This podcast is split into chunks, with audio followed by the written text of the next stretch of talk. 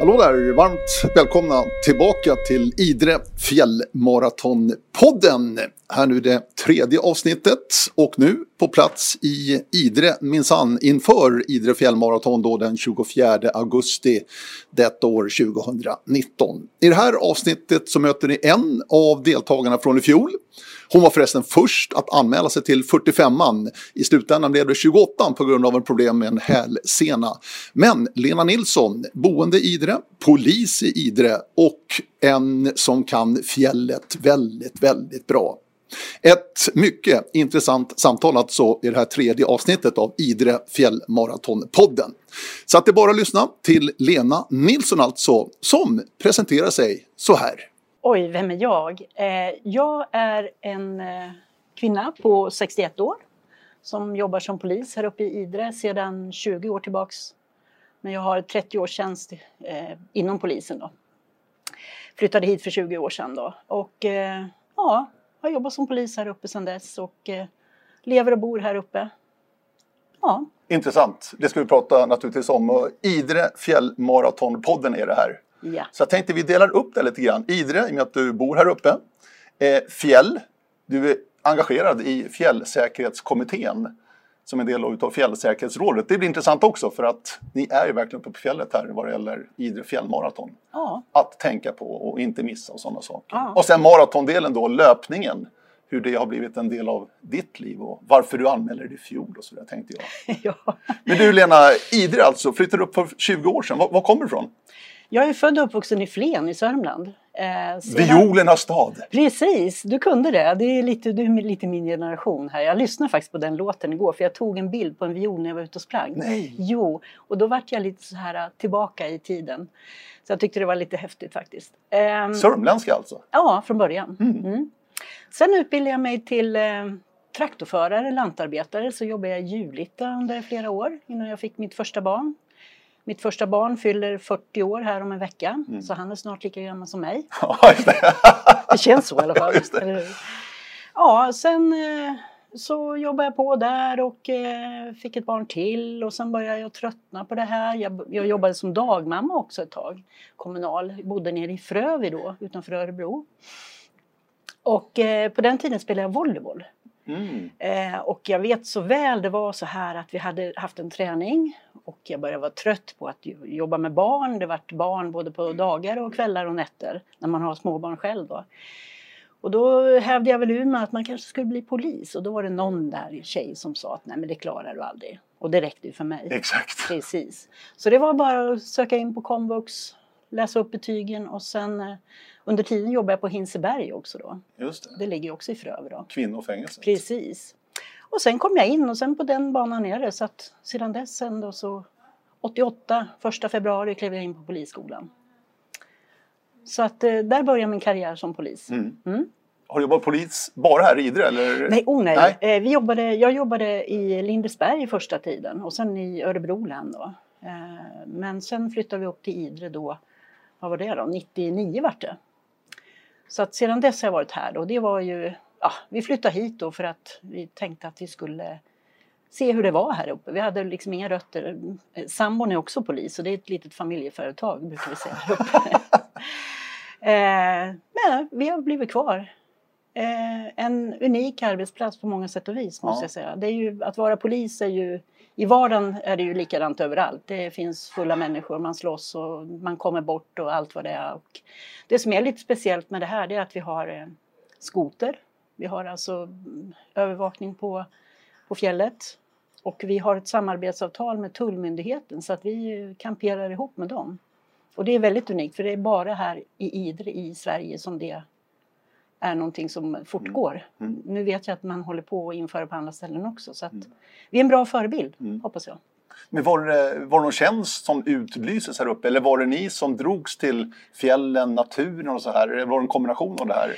Ja, det var en tjänst utlyst. Och, eh, vi ja, ni var två stycken ja. Ja, precis. Så vi sökte den båda två faktiskt. Nej! Jo, och jag sa, du vet hur det är så här, ja men mannen kommer ju säkert få polistjänsten. Och eh, Eh, jag sa jag kan väl städa på Idefjäll eller vad, någonting finns det väl att göra i så fall. Men vi vart kallade på intervju båda två.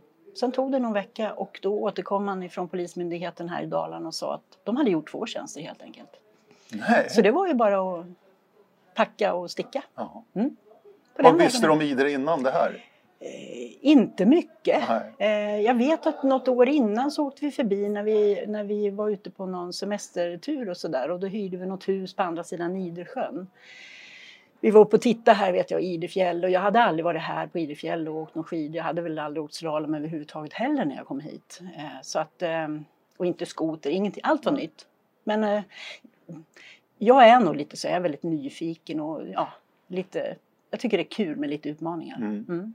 För mig då, eh, utifrån sett på en polistjänst i Idre, det känns ganska lugnt om man jämför dem med storstädernas problem som vi har i dagens läge. Jämfört dem med Idre, rätt eller fel? Jo, men du har väl rätt på sätt och vis. Det är ju det här att man är väldigt utsatt här. Vi har alltså 15 mil till våran arrest till exempel. Det Eh, är Mora alltså? det är Mora det, Mm. ja. Och eh, vi är, idag så är vi bara två stycken i yttre tjänst i hela Älvdalens kommun. När vi kom hit så var det mycket mer poliser och det här, vi ska inte, vi ska inte prata för mycket om det här för då blir jag en sån här surkärring. Aha, det- Ja, den nya organisationen det ger jag inte så mycket för, men förhoppningsvis ska det väl rätta till sig. Men vi är väldigt, vi är alldeles för lite människor som jobbar i yttre tjänst inom polisen idag. Det är absolut min, Mm. min bestämda åsikt. Mm. Men det som är att jobba på så här stället, när det händer saker, för det gör det, eh, då får man ju ta tag i det. Och man kan inte skicka någon expert inom den eller den, utan det är vi som får ta första smällen. Och det tycker jag är en liten utmaning. Plus att ja, men det finns alltid något att göra. Vi är i skolorna, vi jobbar preventivt och vi är, ja, nej, det, det finns alltid någonting att pyssla med. Mm. Och så är det ju en turistdestination verkligen. Absolut. Eh, framförallt då vinter, men sommaren växer ju också och det måste ju ni märka av. Oh ja, och det är ju... Eh, vi har ju bra gäster på det viset. Det är ju inte det här riktiga partyfolket som kommer hit och det kan jag väl säga att det tycker jag är ganska skönt. Eh, men å andra sidan så är det väldigt, det är en väldigt blandning av människor som kommer. Och just det här att det är stort på sommaren är också kul att man bor här. Annars så blir det ju som en spökstad halva året och det vet jag inte om jag skulle tycka var så himla roligt. Så att, eh, nej, jag tycker att det är, det, är, det är en utmaning varje dag. Det känns ju, någon gång har man ju känt sig som man har varit med i filmen Jägarna om du har sett den. Man får ju nypas i armen emellanåt. Det är väldigt speciellt alltså. Mm. Och det, ja, vi har haft eh, vi har haft all brottslighet. Vi har haft till och med ett mord här uppe som eh, vart löst också då, Mm. tack och lov. Mm. Eh, och där var vi ju också först om man säger. Så att eh, man har fått vara med om allting. Mm. Mm. Du var inne på det här med, med skoter som är speciellt här Mm. uppe och, och ja, även uppe i svenska fjällvärlden naturligtvis på andra polisdistrikt. Men vad, innebär det för er då? Liksom det här med skoter, är det att hålla efter det här för att det är mycket, mycket, mycket fulkörningar eller vad då? Ja, jag ska säga när vi kom hit, eh, då, så jag nämnde det, att jag inte hade sett en skoter på riktigt. Så att bara det var ju en utmaning att börja lära sig köra skoter.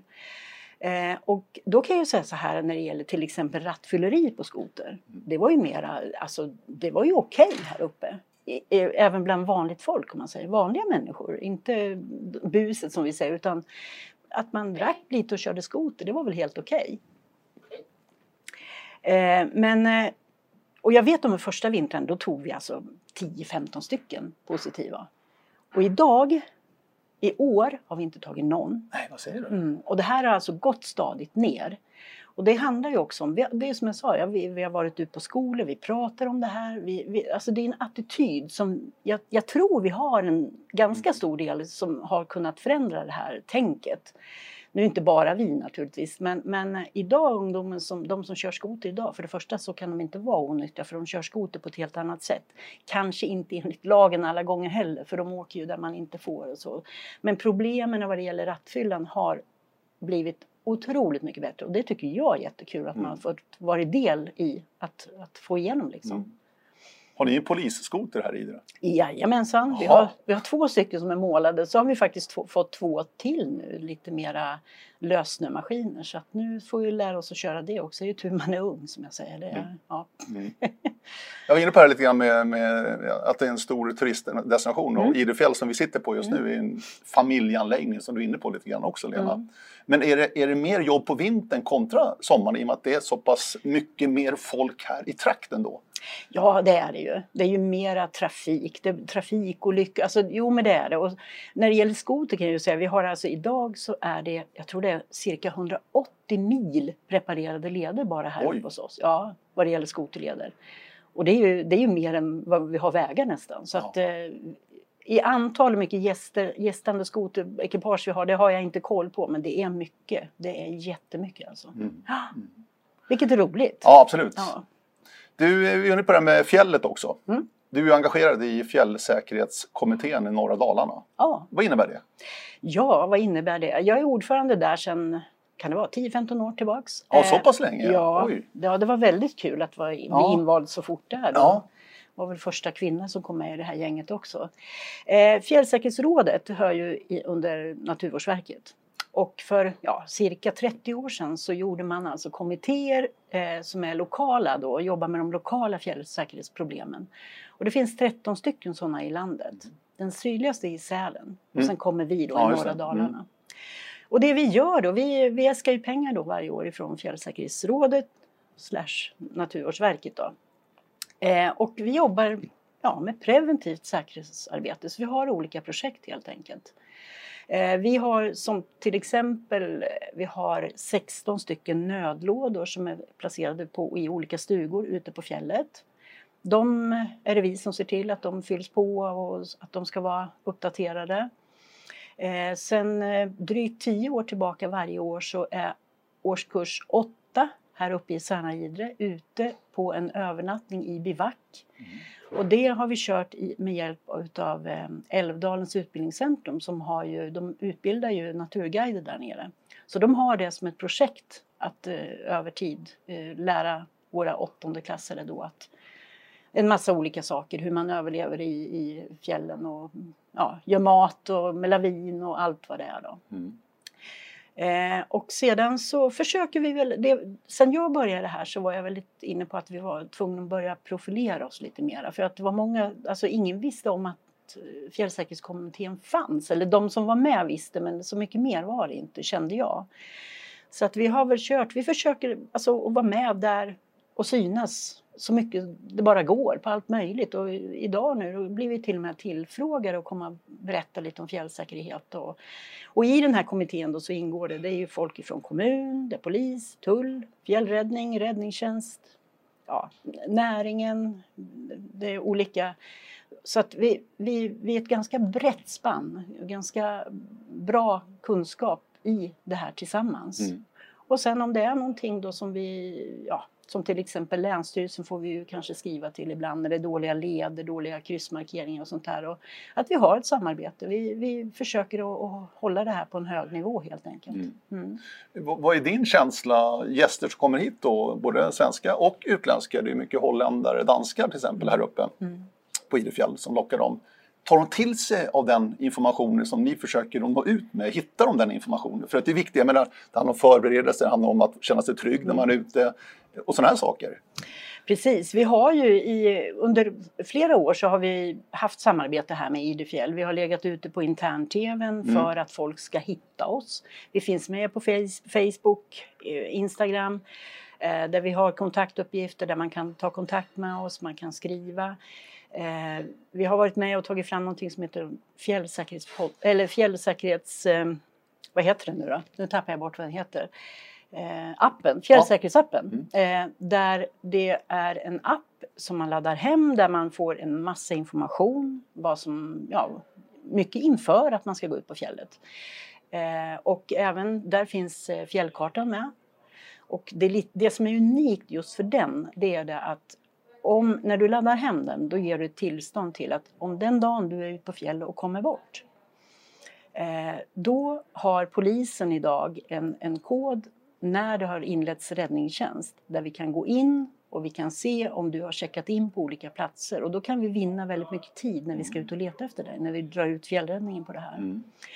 Eh, tyvärr har, ännu har vi inte använt det här skarpt. Eh, men det, det låter ju dumt att säga. Tyvärr, säger du. jag, jag hoppas att vi får göra det. låter ju lite korkat. Ja, det, hade varit, ja, det hade varit intressant att få, få använda det på i skarpt läge. Då. Mm. Så inga, inga tillbud egentligen, några större grejer här uppe, vad du ja, minns men, under år, genom åren? Jo då, absolut, men inte där vi har kunnat använda den här appen Nej, som okay. hjälpmedel. Det var Nej. så jag tänkte. Mm. Jo, jo, fjällräddningsuppdrag har vi mycket. Vi har ju, jag är räddningsledare också i fjällräddning, så att när det inleds fjällräddning så framförallt när det är någon som är försvunnen.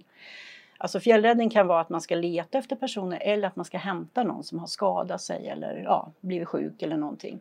Och ska man hämta någon person ifrån en känd plats då leder man det här ifrån Örebro där vi har vår ledningscentral numera. Men om det blir då ett sök då blir jag ofta inringd och eh, ja, då får man ju dra igång hela. Men vi har ju fjällräddargrupper här uppe i Grövelsjön, Idre och i Särna, Drevdagen. Så det är ju de som är ute och letar och så är det polisen som leder det här då. Mm.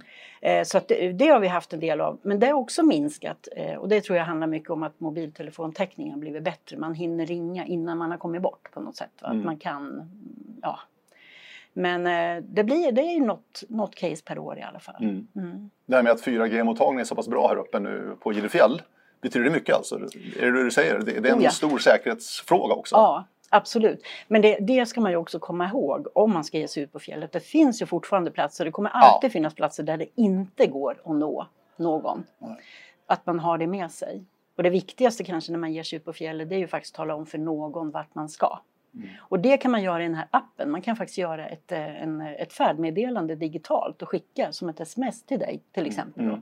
Och kommer inte den här som har skickat det till dig till, tillbaka sen då, då, då vet ju du att att då, när du larmar att det här var i alla fall meningen att, att den här personen skulle gå den här rundan eller vad, vad man nu är. Mm. Och det här gäller ju samma när man är ute och springer på fjället som, över en dag. Att man kommer ihåg att berätta för någon vart, vart har du tänkt att, ifall det händer någonting. Ja. Man kan ju ramla och slå sig, man kan bli sjuk, man, ja, vad mm. som helst. Mm. Det är ju ändå rätt snäll fjällnatur här Alltså karaktäristika här är ju Nifjället, Städjan, bort mot Fjätervollen. Liksom. Det är ju mm. den, den fjällvärlden som finns här egentligen. Sen börjar ju Härjedalen egentligen på andra sidan. Då. Ja. Men vad, vad, ska man ha respekt för? Vad är att tänka på? Man, är det mycket folk liksom som är ute och vandrar i, i fjällen här? Ja det är det och ja. jag tycker nog att jag ser en ökning vilket jag tycker är väldigt roligt också då. Men det som är, även om terrängen kan vara snäll så kan ju vädret vara ett riktigt, riktigt orosmoment. Ja. Och det kan gå fort, det har du säkert varit med om du som Absolut. Det, är liksom, det kan man vara, gå ut från klar strålande solsken till att dimman bara kommer och man ser inte handen framför sig. Eller det blir storm och så. Och sådana här saker är jätteviktigt att kolla innan man ger sig ut. Eh, och är det oväder på gång och man absolut måste ut, då är det bättre att hålla sig nere i skogen och definitivt hålla sig efter markerade leder i alla fall. Då. Mm. Eh, så att eh, det tycker jag är viktigt. Eh, det är kanske bland det viktigaste. Väder, tala om vart man har tänkt att gå, veta om att mobilen, alltså mobilen idag förresten också, det är ju en sån, här Mobilen är ju ingen telefon idag när man är ute. Nej. Det är ju nya sättet att skicka vykort och tala om här är jag, plupp, sen är batteriet slut. Ja. Så står man där. Mm. Och ska man vara ute över längre tid då ska man kanske se till att man har någon, något mer som man kan ladda. Mm. Sen finns det ju vissa stugor också uppe på fjället, eh, nu kommer jag inte ihåg, det är fem, sex stycken i vårt område där det finns så kallade hjälptelefoner också då. Där man når polisen direkt, eh, ledningscentralen i Örebro. Så det ska mm. man också komma ihåg. Mm. Man, eh, man, tidigare kallade de dem för nödtelefoner och det, det, vi har ändrat det till hjälptelefoner idag. För det kan ju vara så här att du har sagt att du ska vara hemma vid femtiden. Och så kommer du till en sån här stuga, alltså du har, det har hänt, du kommer inte komma hem förrän 21, 22 på kvällen eller du kanske till och med stannar för att det har blivit dåligt väder. Ja men lyft på telefonen och tala om det så man kan meddela någon anhörig det så slipper vi dra ut fjällräddningen. Mm. Så att det, det, ja, mm. det är ett bra hjälpmedel. Mm. Eh, bra, då kan vi komma in på eh, löpning och maraton, Idre fjällmaraton alltså i slutet av augusti nu 2019, andra upplagan. För att några av de här stugorna passerade nämligen banan. Jajamensan. Så tänkte jag, det var en bra mm, övergång här. Ja, ja. Exakt. Eh, och Lena, i fjol var du med. Du var första dam och anmälare i fjol faktiskt. Ja, jag har jag läst på. jag vet det. Till 45 kilometers ja. bana. Sen blev det inte 45 i slutändan. Nej, varit lite skadad i en mm. hälsenan där så jag fick bara springa 28 som jag säger. Ja. Det är många som tycker att jag inte ska säga så. Men... Nej, det tycker inte jag heller. Alltså. Nej. Nej, jag hade jätteont och sprang, sprang 28 ja. ändå. Det kanske var tokigt men eh, efter det så gick det över ja. i alla fall. Men varför anmälde du det? Vad var det som lockade? Ja du, eh, kan ta lite tillbaka då. 2015 eh, så mina äldre söner, jag har två äldre då, eh, de sprang en del sånt här på kul. Och eh, jag vet inte, av någon anledning så fick de med mig på kvartsmaraton uppe i var Axa eller vad den heter Mm. uppe i eh, Jämtland. Mm. Och eh, ja, det var ju jätteroligt. Jag tyckte det var jättehäftigt. Eh, otrolig stämning alltså. Det var, och så fick jag vara med mina ungar och de hade kompisar med. Jag kände mig, jag kände mig ung på nytt på något sätt. Eh, och ja, året efter så var det 2016 och då anmälde vi oss till Storsylen upp på norska sidan. Mm. Jag vet inte om du har hört talas om det? Man går, eller går, ja, från Nedalshytta på norska sidan upp till Syltoppen. Mm. Det, jag tror, har för mig att det var 11 kilometer och Ja. sen är det 1000 meter höjdmeter. Så, och de 1000 är ju nästan på sista... Ja, det. Mm. det, var, det var tufft. Men Norge har ju mycket sådana motbackelöp. Precis. Ja. Ja. Och jag, jag har mina rötter i Tydar och var därför som vi, Ah. så jag har stuga där. Så det var därför som det vart det. Och det är han, eh, Niklas Dyrhauge är ju lite pappa till det här. precis. Han är ju från Tydar. Ja, exakt. Mm. Stämmer. Så att eh, den var vi med i då. Eh, och då var det ju så här, då var ju målet efter 11 kilometer på toppen, då skulle man ju hem också. Så då var det ju 22 den. Så ja. Sen året efter det då så eh, lurade de på mig, jag säger lura på mig för lite så var det nog. Att, eh, och då sprang jag halvmaran i Bydalen.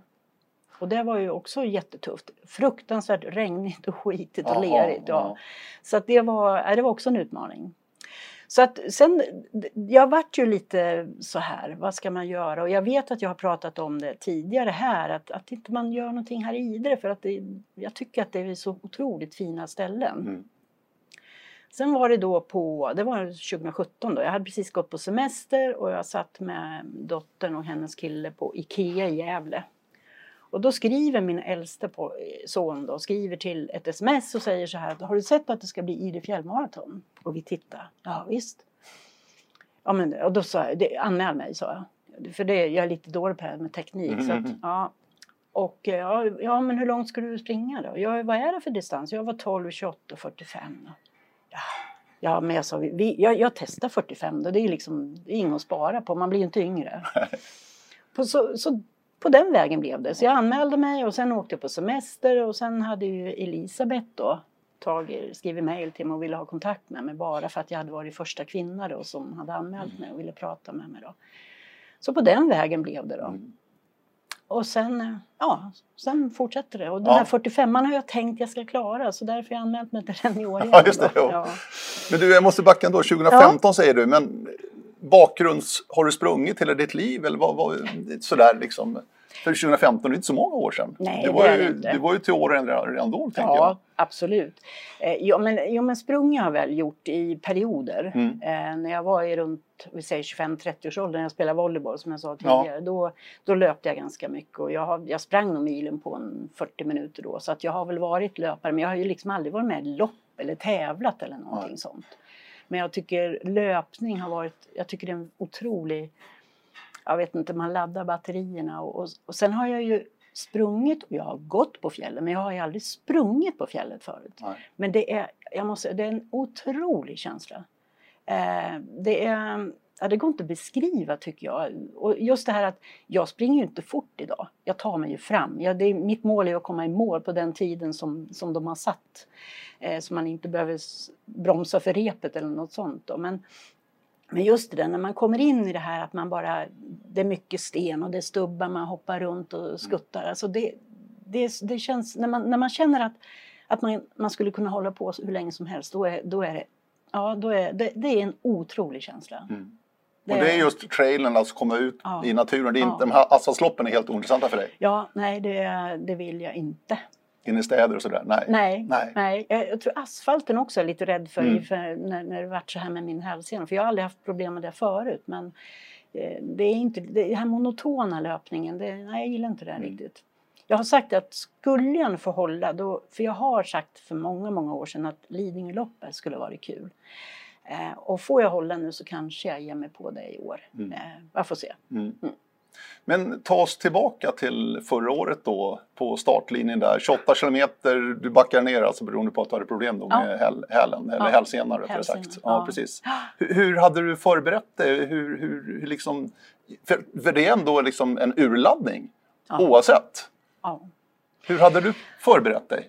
Ja, eftersom jag hade haft, eller hade bekymmer med hälsenan så hade jag ju cyklat mycket för att ah, okay. försöka hålla uppe eh, konditionen. konditionen. Mm. Och cykla tycker jag är urtråkigt. ja, så det, det var verkligen... Har du någon poliscykel förresten? Ja, det var den jag körde på. Det var... ja. faktiskt. Jag tror det är fyra växlar på det. Men det var liksom bara att trampa på bara för att vara, ja, hålla mm. uppe. Så, så det, men alltså när man tycker något är tråkigt så är det, inte, är det svårt att vara motiverad. Men jag, jag försökte och jag var ju i valet och kvalet ska jag överhuvudtaget vara med för jag hade verkligen ont. Eh, men jag tänkte jag, gör, jag ger ett försök då. Och nu kommer jag inte ihåg hur många steg det loppet var men jag säger det, varje steg gjorde ju ont. Så att, eh, men det, det var så alltså? Ja, ja, ja, det var det. Mm. Eh, så det var ju lite tråkigt. Och sen första gången i mitt liv så fick jag riktigt kramp. Det var också en upplevelse. Mm. Och det var mycket också för att man springer på snedden och bara för att man har ont och så. Så att när jag kom till foten av städjan, när 28 ska upp på städjan emellan där. Mm. Då satt jag på en sten och då rann tårarna och tänkte det här kommer inte att gå. Men eh, så började jag fundera också, hur ska jag komma ner då? Hur ska jag, om jag ska bryta, ska, ska fjällräddningen hämta mig eller vad händer? Men så släppte det där. Så jag tog mig upp och sen var det ju bara resten kvar som jag skrev på någon bild där vet jag när jag tagit. så att, eh, nej men det funkade och eh, det som är så enormt, eh, det är, det var, jag nämnde det förut också, just den här stämningen i de här loppen. Alla människor är så både de som springer fort om jag säger, de ser man inte så mycket av då, men, men, men just det här att alla är så glada och positiva och det, det, jag bara älskar det. Och sen en sak till. Eh, de här funktionärerna som kommer ifrån Särna Idre mm. och de här som är ute och hejar. Alltså jag fick höra, jag hörde, var jag än var så hörde jag heja polislena. Och det var så häftigt. Och det är från de minsta barnen till de äldsta. Och det, ja, det hjälpte mig jättemycket och jag hoppas verkligen att de kommer ut i år igen. Mm. De hade helt, jag, har, jag, jag bars fram emellanåt mm. liksom. Mm. Jätte, jätteroligt var det. Mm. mm. Nu sprang du 28, banorna är ju i princip identiska eh, i år ja. som det var förra ja. året. Mm. Hur skulle du karaktärisera 28 då för de som lyssnar på det här och har anmält sig nu och var inte med i fjol? Hur skulle du karaktärisera 28 kilometers banan här på Idre fjällmaraton? Ja, vi säger den första knappa milen, det är ju riktigt fin löpning. Eh, om, nu säger jag så här, är man van att springa på, på asfalt och grusvägar då är, då är det inte fin löpning i princip någonstans. Nej, det är lite det är knöligt här. Det är lite knöligt mm. och det ska man ju vara, absolut vara beredd på. Eh, men den första där ner eh, framåt 8-9 kilometer, första matstation där är ju som sagt, det är ju inget uppför. Utan det är ju platt och det är mm. nerför. Det är direkt efter start är lite uppför men sen ja, är det... där är lite ja, grann. Ja. Eh, men sen då så börjar det lite stigning. Och eh, ja, jag, jag, säger så här, nu, nu är ju jag en vanlig motionär. Mm. Eh, jag springer inte när det är för brant uppför utan då försöker jag att gå. Och försöker gå på om man säger så, att man tar sig fram, att man känner att man liksom... För att då, om, om jag skulle springa så kan jag inte springa, jag springer ju inte fortare än jag går i alla nej, fall i nej. princip. Men jag blir mycket tröttare när jag kommer upp och kanske kan fortsätta att jogga. Mm. Så att mitt, mitt motto där det är, det är att jag går, går på. Eh, och eh, det, det som är så häftigt där, när man kommer upp i skogen där vid Nipfjäll, det är att komma in, det man kommer in i Trollskogen. Ja, absolut. Det är väl på väg upp mot Nipstugan? Va? ja, precis. Ja. Så man kommer ju ut där ovanför Eller Nipvallen är det först och sen Ja, Nipvallen först. Ja, exakt. Ja, så är precis. det. Mm. Eh, och där satt det folk och hejade och hela... Ja, gjorde det? Jajamensan. Det är en fin fäbod där. Ja, det är så fint. Fantastiskt alltså. fint där uppe. Ja, det är det. Ja. det satt folk överallt alltså. Ja. Och sen kommer man ju upp då på ovanför eh, vinterparkeringen ja. på Nipfjället. Och eh, då är det lite väg en liten bit men sen kommer man ut på, i terrängen igen och det är ganska det känns som att när man ska upp till, till sommarparkeringen det är väl ett par kilometer. Eh, tycker man, när man åker bil då så är det ju ingenting men det, det är ganska Lite drygt upp Det är drygt upp, mm. ja det är det. Mm. Så när jag kom upp dit då hade jag fruktansvärt ont och då ser min sjukgymnast mig. Jag visste inte att hon var där en gång. Så hon slängde in mig i en bil där och tejpade om mig. Eh, och då fick jag lite hjälp. Så det var skönt. Mm. Men där är det ju matstation. Och sen löpningen ifrån sommarparkering bort mot Städjan. Den är ju bara så underbar. Så Ja. det, det, finns, ja, det, det är helt sjukt alltså. Mm. Och det är, jag ska säga det, det är ju stenigt och så. Det är det ju hela vägen. Mm. Mer eller mindre. Mm. Men alltså det är så vackert när man kommer bort mot Städjan. Eh, och eh, ja, sen när man har kommit fram då, mitt, när man är mitt för Städjan, då ska man ju alltså rakt upp. En eh, lutning på, den är bra den lutningen, Mm. i lite sandterräng. Eh, det är ju inte så himla långt i, i meter, jag vet inte hur långt det kan vara men Nej, inte jag heller. Men, Nej. nej. så jättelångt är det inte. Nej, det är det ju inte. Nej. Men det tar på. Mm. Men har man väl kommit upp dit, då är det ju jättefin nedförslöpning då ner till Grängesåsvallen. Ja. Men stenigt. Väldigt stenigt genom skogen ner där, eh, ska man komma ihåg.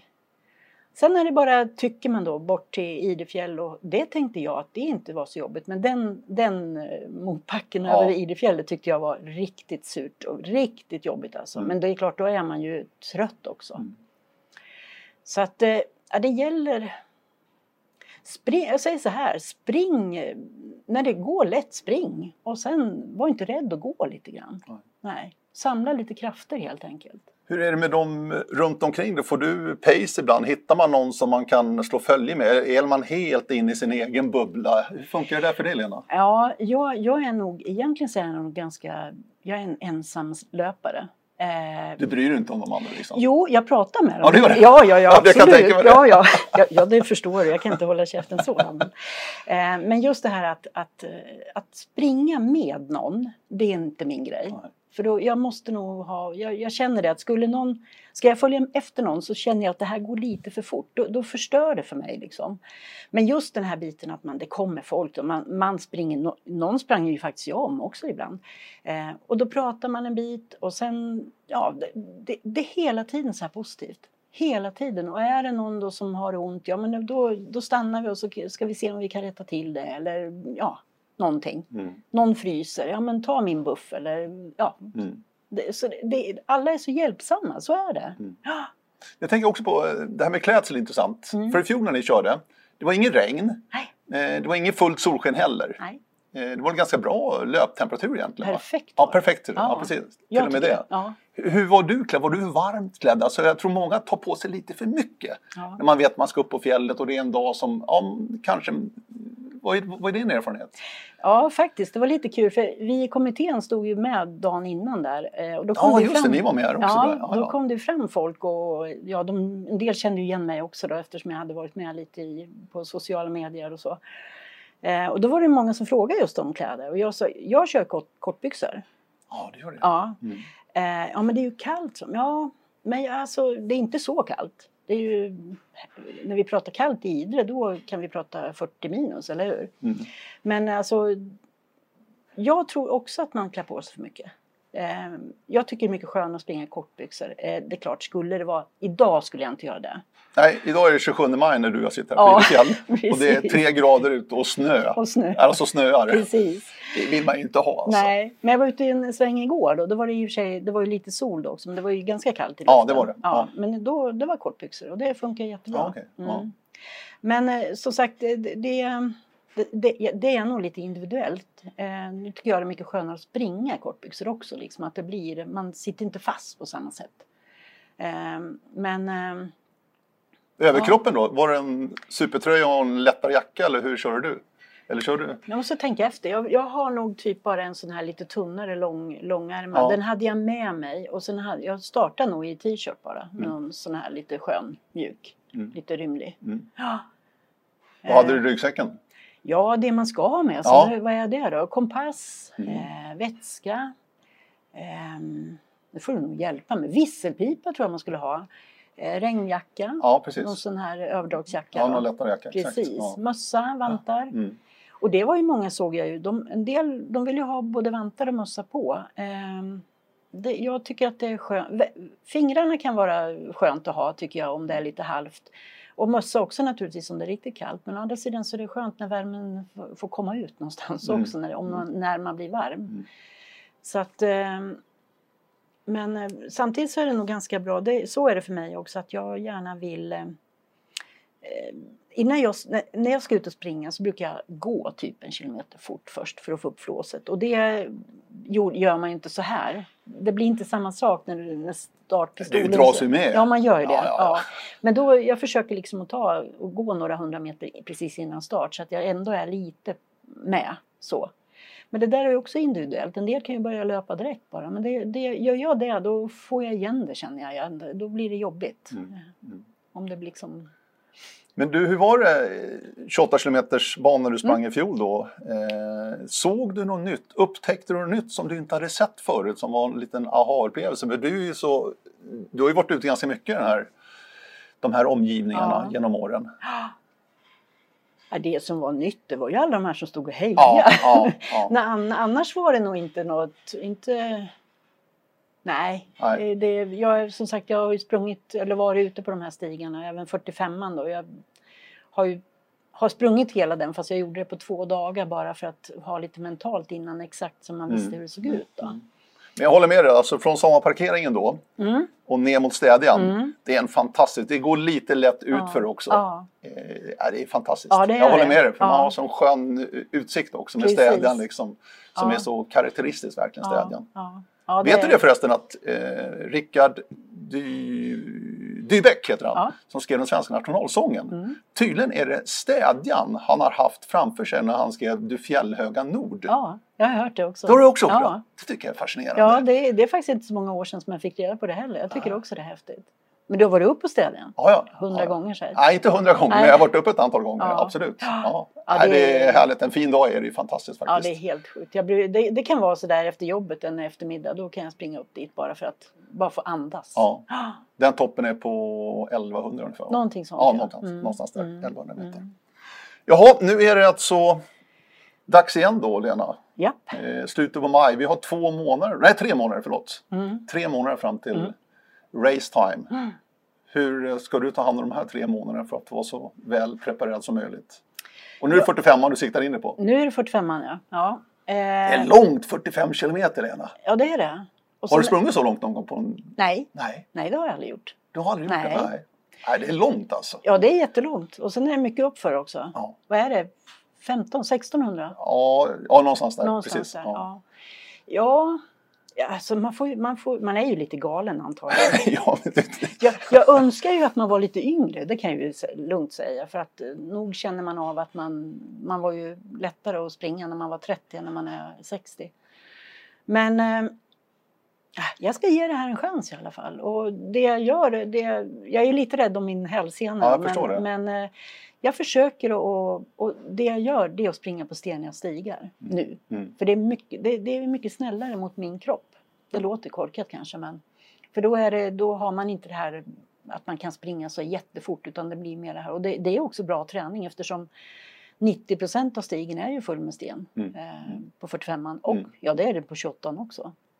Eh, så att eh, Men hur är det när du tränar Lena? Du som ändå bor här. Mm. Åker du upp och kör vissa delar av själva banan eller när du tränar? Ja, det, det kan jag göra. Ja. Eh, det som är lite roligt nu då, för nu, jag bor ju nere i byn då och eh, förr, förr då åkte jag ju upp hit för att springa typ på Idefjäll eller någonting. Men nu springer jag ju hemifrån och sen kan jag springa upp över Himmelfjäll en dag eller om jag nu ska göra ett längre pass. Eh, och det tycker jag är lite häftigt att jag, jag springer hemifrån gården hemma. Mm, mm. Ehm, för man har ju, alltså det, 500 meter så är jag ju, är jag på de här stigarna redan hemifrån. Mm. Men eh, det, jag har några kompisar nere i Älvdalen som ska springa 28 år igen. Så att vi, eh, de vill gärna ut och springa med mig. Och, eh, vi ska ta första halvan på 45an och det tyckte de var kul också. Då. Ja. Nej, men det får torka upp lite mer. Jag vet Mm. inte riktigt hur det ser ut där, om det ligger snö kvar på Ja, nu, är det ganska, nu är det ganska snöfritt faktiskt. Det är det, ja. ja. För jag sprang eh, vinterparkering bort mot, eller sommar bort mot Städjan här Ja. för någon vecka sedan. Mm. Det var ju ganska mycket snö. Ja, men det kom ju en skrälldusa för Ja, några veckor sedan. precis. Men det har nu tinat bort. Ja. Det har varit några varma dagar där. Precis, Tre ja. grader idag. Ja, ja, i och för sig, det går ju att ta sig över snön också men det är ju roligare om det är lite blött är det ju. Blött är det ju alltid. Man kan ju inte tro att man springer de här eh, fjällmaraton och, kom, och är ren när man kommer tillbaka. Så Nej. är det ju inte. Nej. Utan det är ju klafsa genom både lera och myrar och Mm. allt vad det är. Mm. Du, är det flera Idrebor som var med i fjol? Inga mängder va? Nej, men jag har hört att det är fler nu. Ja, vad kul. Ja. Ja, och för jag, deltagandet ökar ju också. ja, det gör ju det. Det Det är väl roligt? jätteroligt. Är det. Och jag får faktiskt höra det, att jag inspirerar. Och det känns ju också, tycker jag, jätteroligt. Verkligen. Ja, så det, det är häftigt. Ja. Ja. Det är kul Ja. att locka hit det här. Men då är du full av tillförsikt ja. Inför året. ja. Otroligt spännande Lena. Ja. Du, eh, jag tänkte vi skulle avsluta det här nu, Mm. som jag avslutar med alla. Ja. När känner du dig oslagbar? Oj. Ja, det är nog när jag är där, lämnar sommarparkeringen bort mot städjan. Det är där man bara liksom flyger fram alltså. Det är helt, helt otroligt.